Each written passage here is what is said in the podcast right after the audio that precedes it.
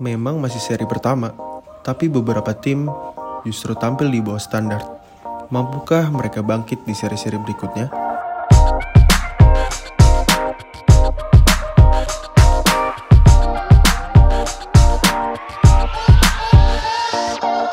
Oke, selamat pagi, selamat siang, selamat sore, dan selamat malam teman-teman Abbas Talk di mana pun kalian berada. Hari ini masuk ke episode keempat di comeback seasonnya Abbas. Kelima Dan dong. Kemarin kalau- kita sama box out. Kelima dong. Oh iya, betul, betul. Lupa gue, itu itu gue skip, gue skip, gue skip. Itu udah di post ya, hari ini ya. Enggak harusnya kemarin. Cuma gue baru inget. Eh, gue nggak ngerti itu kolab- kolaborator konten tuh ngekliknya di mana. Nggak ada notif kan? Iya, iya. Iya gak sih? Iya, bener. gue juga baru nyadar ternyata dia request ini collaboration ya. Enggak, nggak. Karena tuh Karena ngechat gua katanya, "Bo, nanti kolaborator." Oh iya, siap. Tapi udah nggak ada notif. Gue tunggu-tungguin kemarin-kemarin kan. Oh. Iya Oh, gak iya, sih? iya, iya, iya. Benar, benar. Berarti episode 4 kemarin tuh eh, kita udah kolaborasi bareng Box Out ya, Bu ya berarti ya. Ya, dicek aja di Spotify-nya box out ya. Ya, ya, dan kita berada di segmen kedua buat notify aja kalau misalkan teman-teman eh, nanti bakalan dengerin tentang NBA dulu dulu pembahasannya, baru Ya, nanti pembahasan IBL. Ya, kalau di box eh, Chan, Chan, kalau di box out Ya. episode 147 yang thumbnailnya Ya. LeBron James. betul, betul. Tapi sebenarnya bisa lihat di Instagram kita juga lah ya.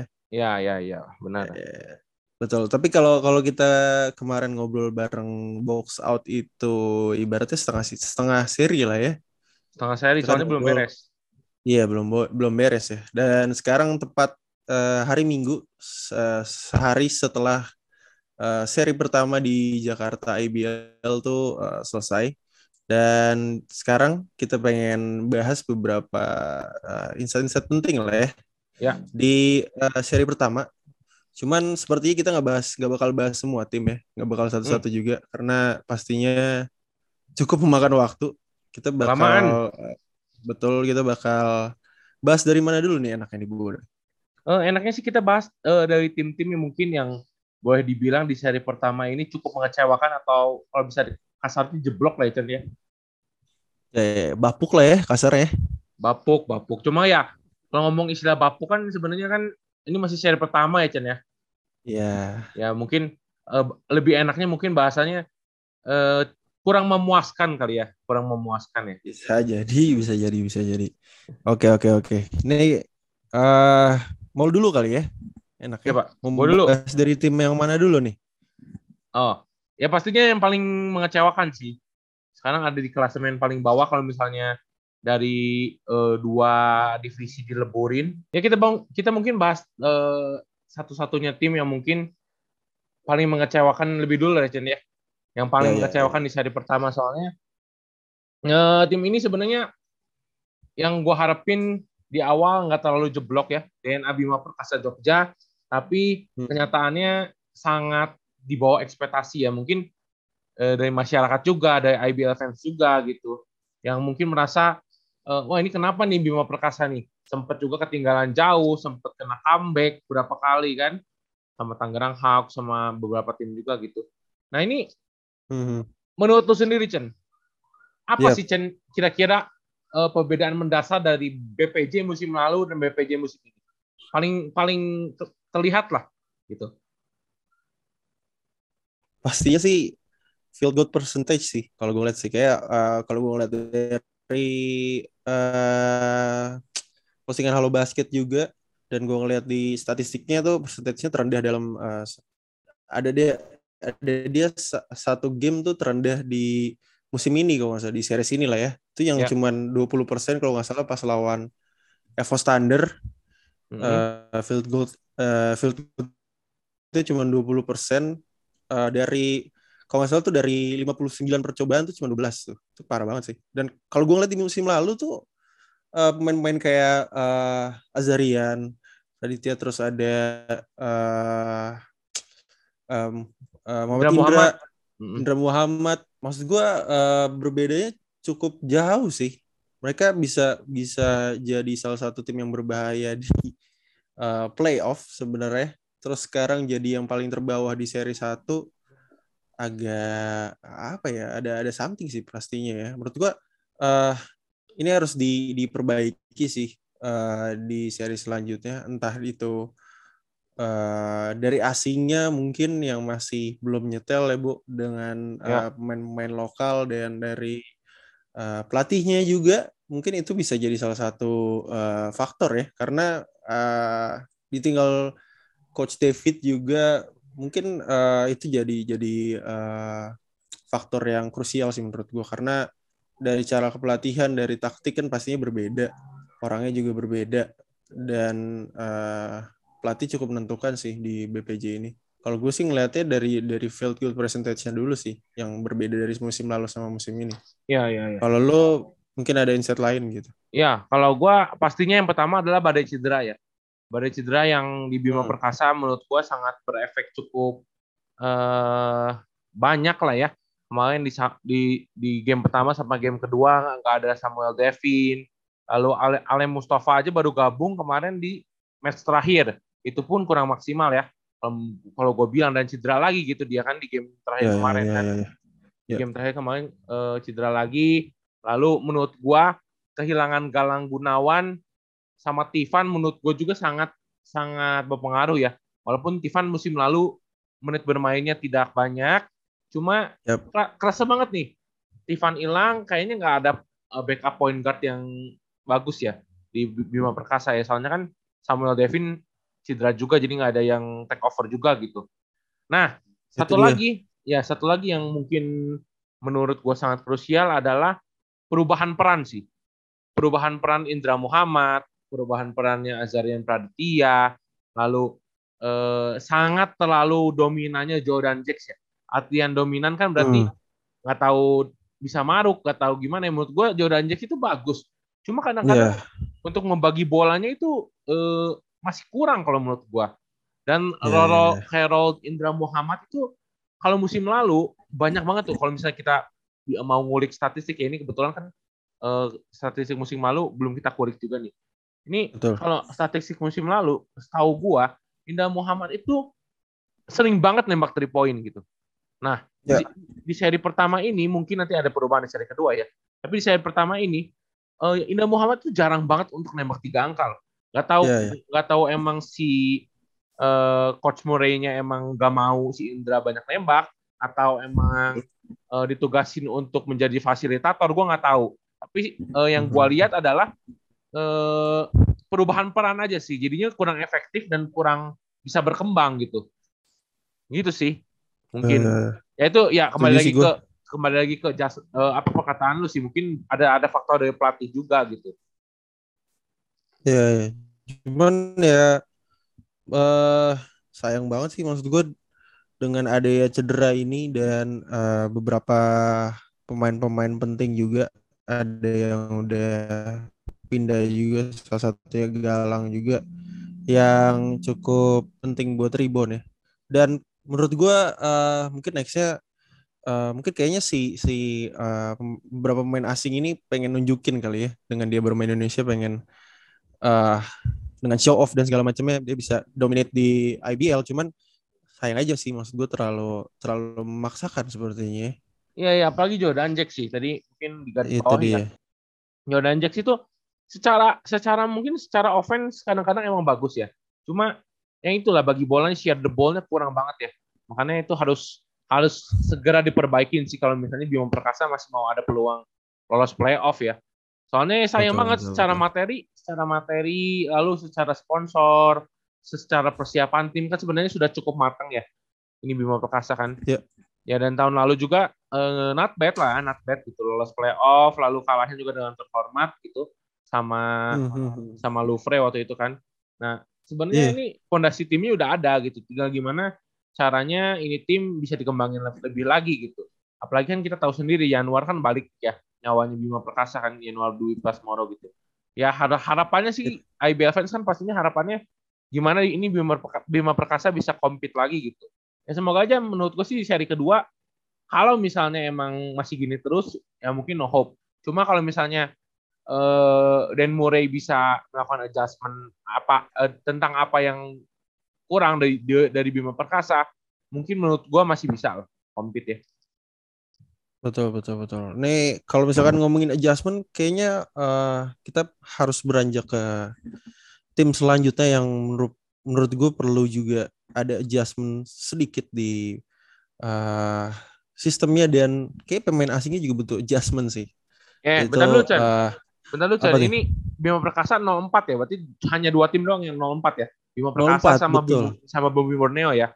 Dua ya. Betul. Itu gue gue setuju sama lu dan uh, tadi itu gue mau shifting ke uh, Bumi Borneo mm-hmm. yang kayaknya dia perlu perlu perlu uh, nggak cuman Austin doang maksudnya yang bermain oke okay di yeah. Ya. uh, seri-seri selanjutnya tapi perlu Randy Bell juga yang juga step up sih mm-hmm. uh, di game-game berikutnya karena kalau cuman Austin doang yang uh, punya uh, hasil di rebound dan poin uh, di seri pertama agak susah sih kayaknya di seri kedua kalau misalkan cuma bertumpu pada Austin ya apalagi dia seorang big man ya, ya. bisa dibilang.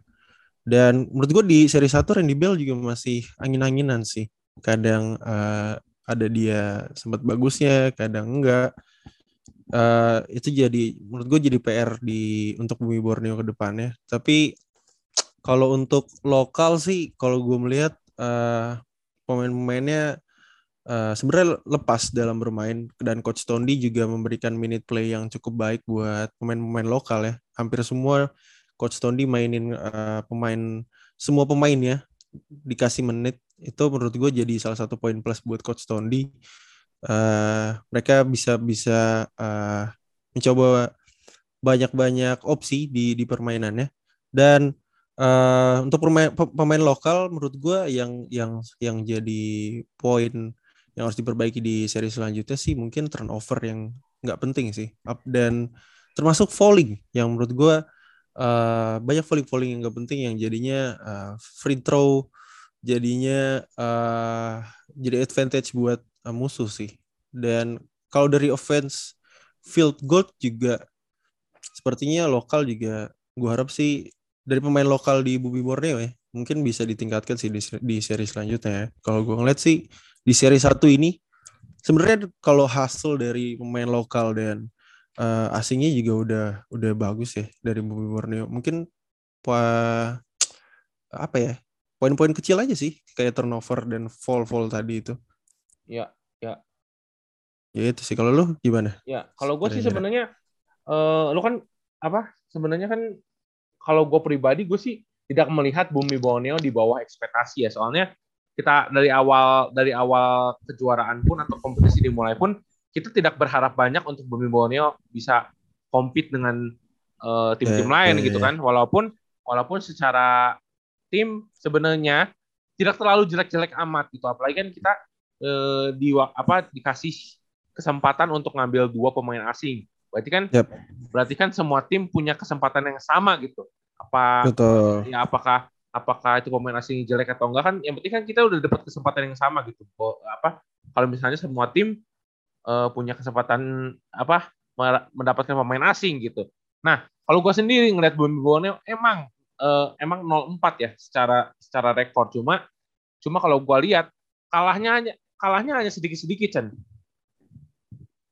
iya iya benar. Ya, ya sebagai tim baru masih menurut, fight lah ya menurut gue sebagai uh, sebagai tim baru itu adalah salah satu pencapaian yang cukup bagus ya kalah tidak blow iya. out yeah. gitu kalah kalah dengan terhormat lah gitu contohnya aja lawan mm. lawan Prawira gitu sebenarnya sebenarnya bisa menang gitu cuma ya mungkin ini kan uh, pemain-pemain apa tim yang diisi dengan pemain-pemain yang cukup banyak rukinya ya delapan delapan rookie ada di tim ini gitu dan baru berlatih dua bulan terakhir gitu ya bukan bukan Borneo yeah. aja sih mungkin ada Rans juga, ada Evos juga, ada Hawks juga yang mungkin latihannya sangat mhm, sedikit mhm. ya. Uh, apanya? Uh, jadwal latihannya dari dari pembentukan hingga kompetisi ini sangat sedikit waktunya gitu.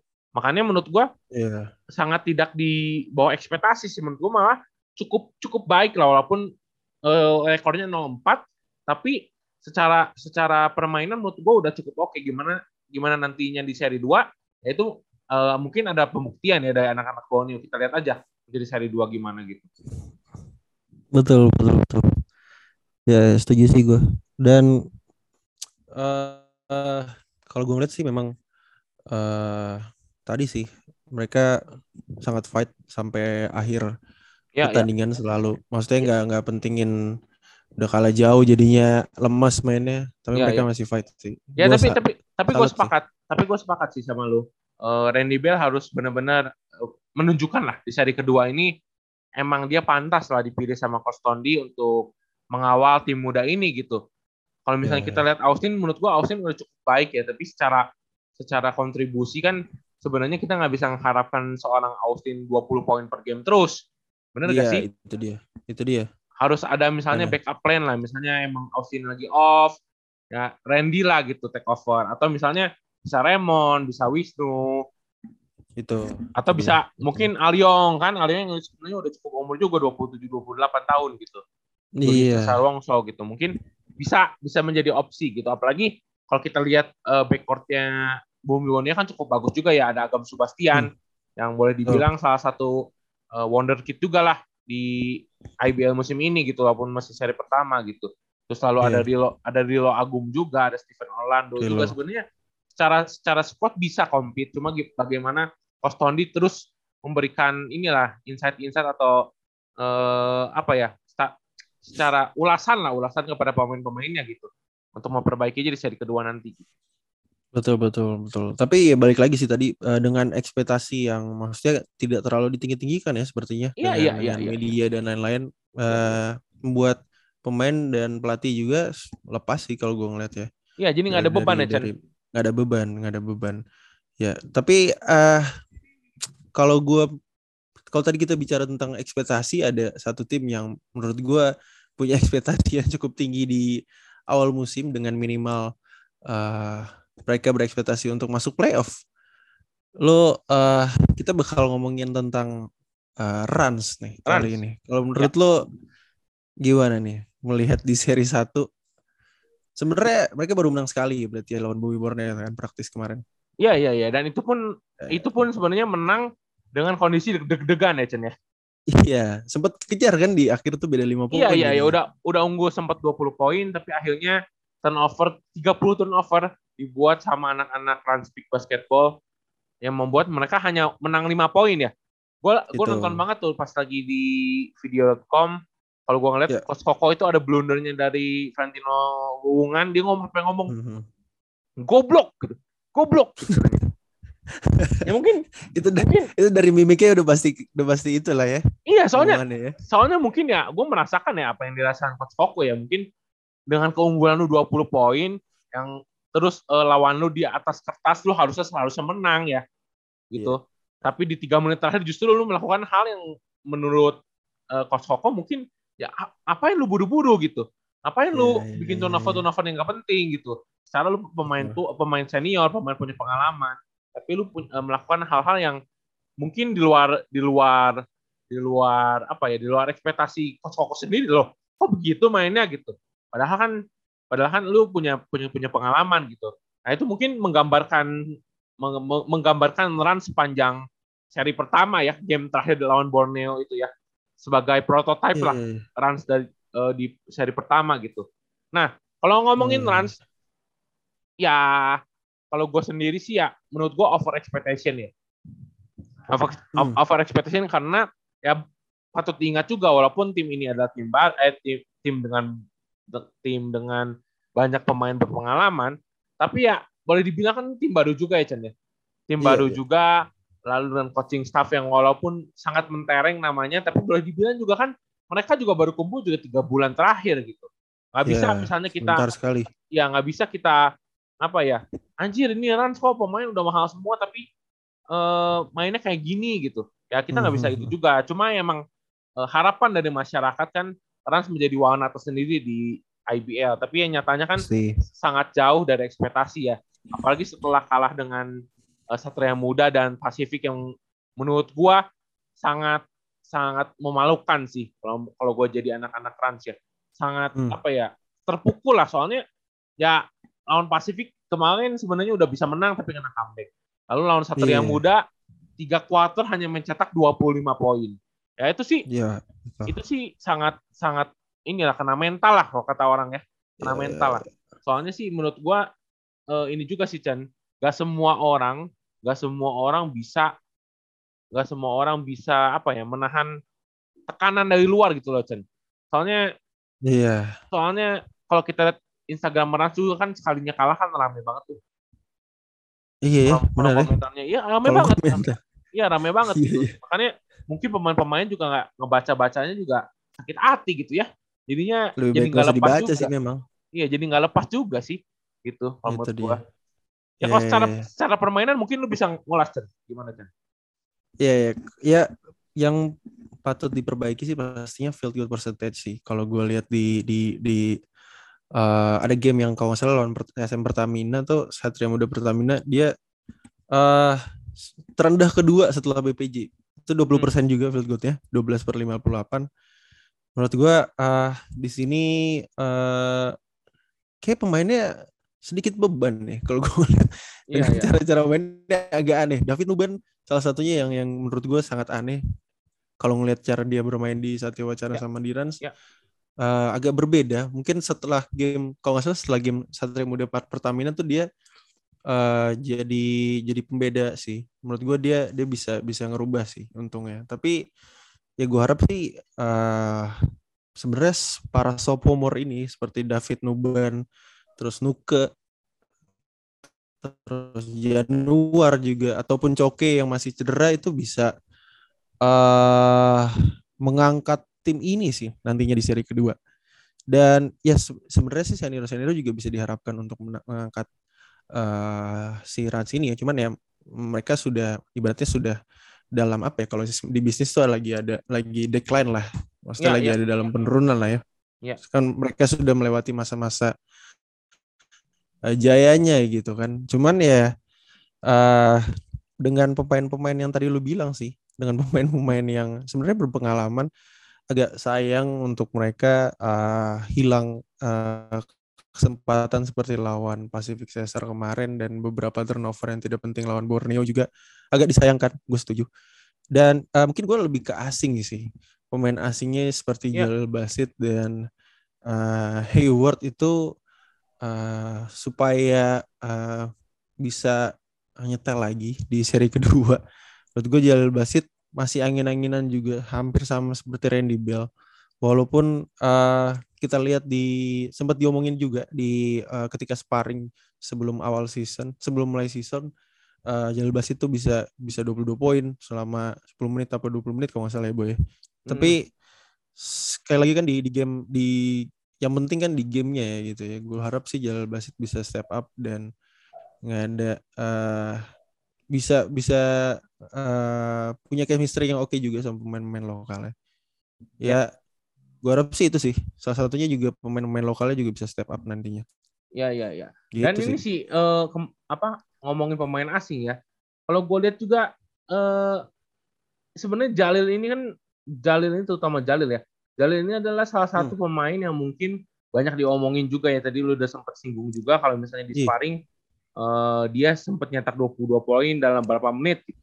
Nah sebenarnya uh, di game pertama kemarin, seri pertama kan sebenarnya dia bagus juga ya nyetak 25 poin walaupun walaupun yeah. run kalah gitu kan. Tapi sangat yeah. ngedrop pas lagi lawan Pasifik dan lawan Satria Muda gitu. Itu sebenarnya dia. itu kan uh, menurut gua adalah rotasinya itu uh, di runs masih kurang bagus ya di di di rotasi pemain asingnya ya. Bahkan iya bahkan kalau boleh dibilang Hayward ya hampir semua game, apa sepanjang game Hayward yang main terus.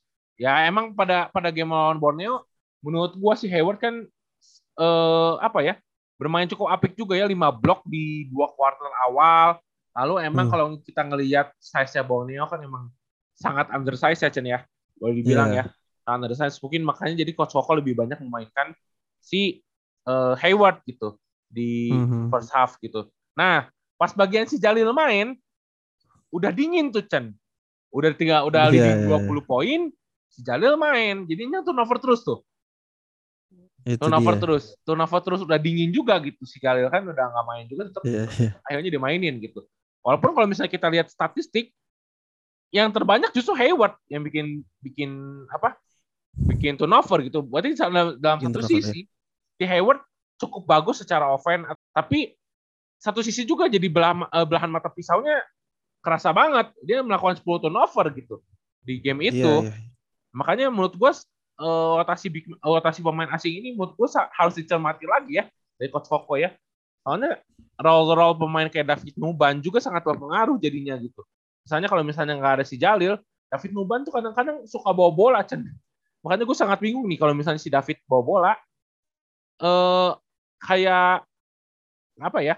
Sangat Iya. disayangkan potensinya gitu. Potensinya dia untuk menembak tiga angka yang jitu tuh agak agak Iya. agak agak tidak dimanfaatkan gitu.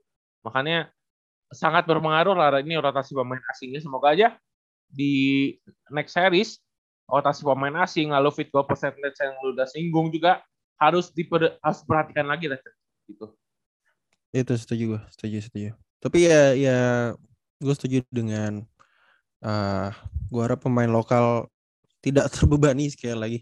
Ya. Uh, gue harap mereka bisa bermain lepas sih selanjutnya. Nah, kalau kita tadi udah bahas tentang pemain lokal harus step up, uh, menurut gue tim yang selanjutnya ini juga uh, harusnya sih pemain lokalnya juga bisa step up ya karena ada dua pemain sophomore yang uh, bermain dengan dalam satu tim yaitu uh, Cio Manu Putih dan Daniel Wenas. Kita bergeser ke Evos Thunder Roar. Yo, iya. Kalau menurut lu gimana nih, selama selama seri satu di Jakarta ini? Mereka Ya. praktis juga sama seperti Rans, baru menang satu kali ya. Ya Evos ini Evos ini mungkin me- mungkin ini teman-teman semua bisa dicek ya di websitenya IBL ya. Evos ini menjadi tim dari 16 tim yang mencetak poinnya dalam empat pertandingan paling kecil, Chen. Hanya 208 Oke. poin. Berarti rataan eh, poin per gamenya hanya 50 50 gitu. Which is kan Hmm. berarti sangat apa ya? Bisa dibilang sangat eh, low scoring ya. Sangat sangat sangat sangat kecil gitu. Tapi uniknya juga eh si kebobolannya kemasukannya hanya 212. Berarti kalau misalnya di poin diferensialnya hanya minus 4 nih, Chen. Si Evos ini. Hmm, iya iya iya. Iya, iya. benar. Ya, kalau misalnya kita ng- ngelihat poin diferensial, mereka merupakan salah satu yang cukup baik juga sebenarnya Evos.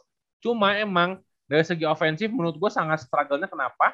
Karena mungkin eh ya kalau gue secara penglihatan gue tidak ada scorer yang cukup dominan ya dari segi pemain asing dan juga pemain lokal gitu. Kalau pemain asing Ya. ya Jaewon Hill dibilang bagus juga menurut gue kurang ya.